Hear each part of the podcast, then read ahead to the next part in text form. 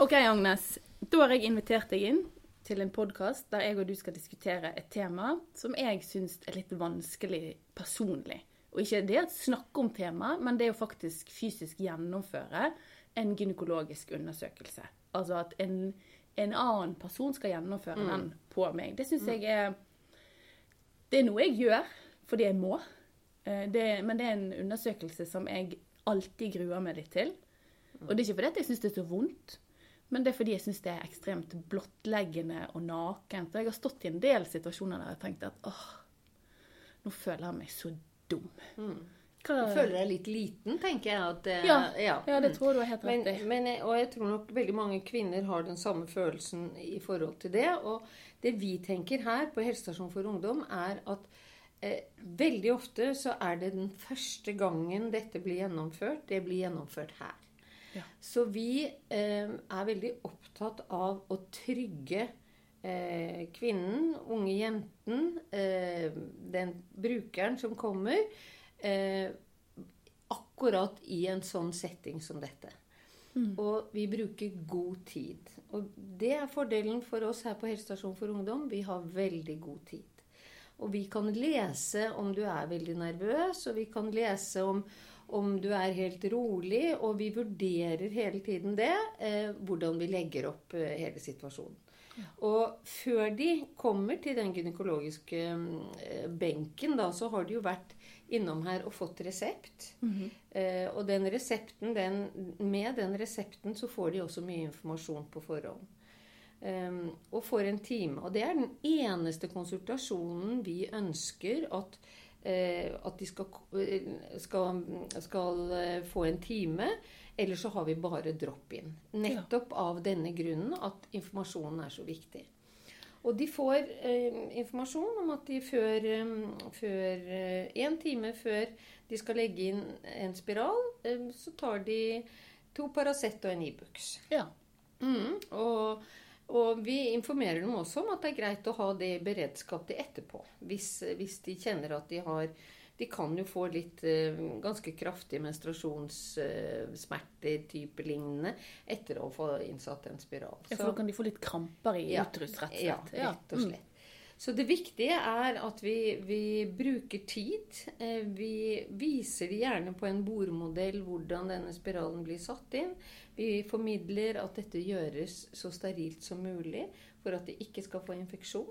Vi spør de alltid om det kan være mulighet for at de er gravid. Vi tar en graviditetstest. Og vi tar test for eh, seksuelt overførbar infeksjon. Ja. Ja, i, i selve undersøkelsen.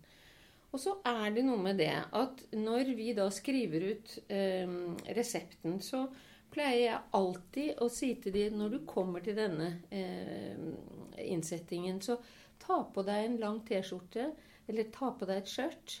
Sånn at når du da må kle av deg nedentil, at du ikke står der naken i en kort genser og, og allerede før du har kommet opp i benken, blottlegger deg helt. For det er da begynner det nervøsiteten å synes. fordi det er jo ikke noe naturlig vi gjør her, å stå bare i, i, i BH uten, uten truse foran noen vi ikke kjenner i det Nei. hele tatt. Og det er jo gjerne der du, som for min assosiasjon er liksom Mm. For du sa jo det en gang, men du kan jo bare gå med en Og det var sånn Å, hvorfor har ingen sagt det til Mm. meg før? Og det var jo liksom litt av foranledningen her. At, Å, dette må jo alle si! Ja. ja, ja.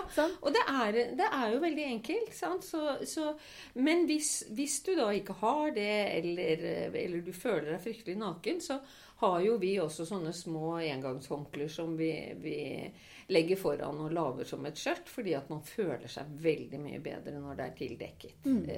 Så det er starten på det. Og så bruker vi tid. Og vi sier alltid hva vi gjør. Uh, og vi bruker litt, eh, litt bedøvende krem på, på speklet. Og vi, vi, vi sier alltid hva vi gjør. Ja. Og det der å puste det er å puste. Vil du ha en med deg inn? Sant? Er det noen, Vil du holde en i hånden? Det er ikke alltid det er like lurt å ta med venninner inn.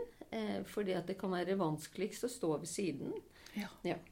Det, og det kan man jo kjenne igjen fra andre prosedyrer, ja. f.eks.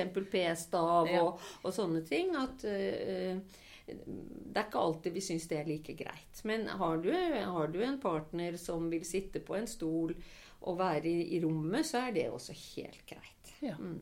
Erfarer du at de fleste vil ha noen med, eller erfarer du at de fleste egentlig, når de først er trygget, er alene? Ja, jeg erfarer at de fleste er alene. Ja.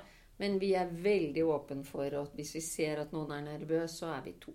Ja. Ja. Mm. Så, så grunnleggende da er jo egentlig det god kommunikasjon, god informasjon, og ta deg tid. Og ikke minst vise hensyn til at dette her er veldig nakent og blottleggende for den personen som skal gjennom det. Absolutt. Ja.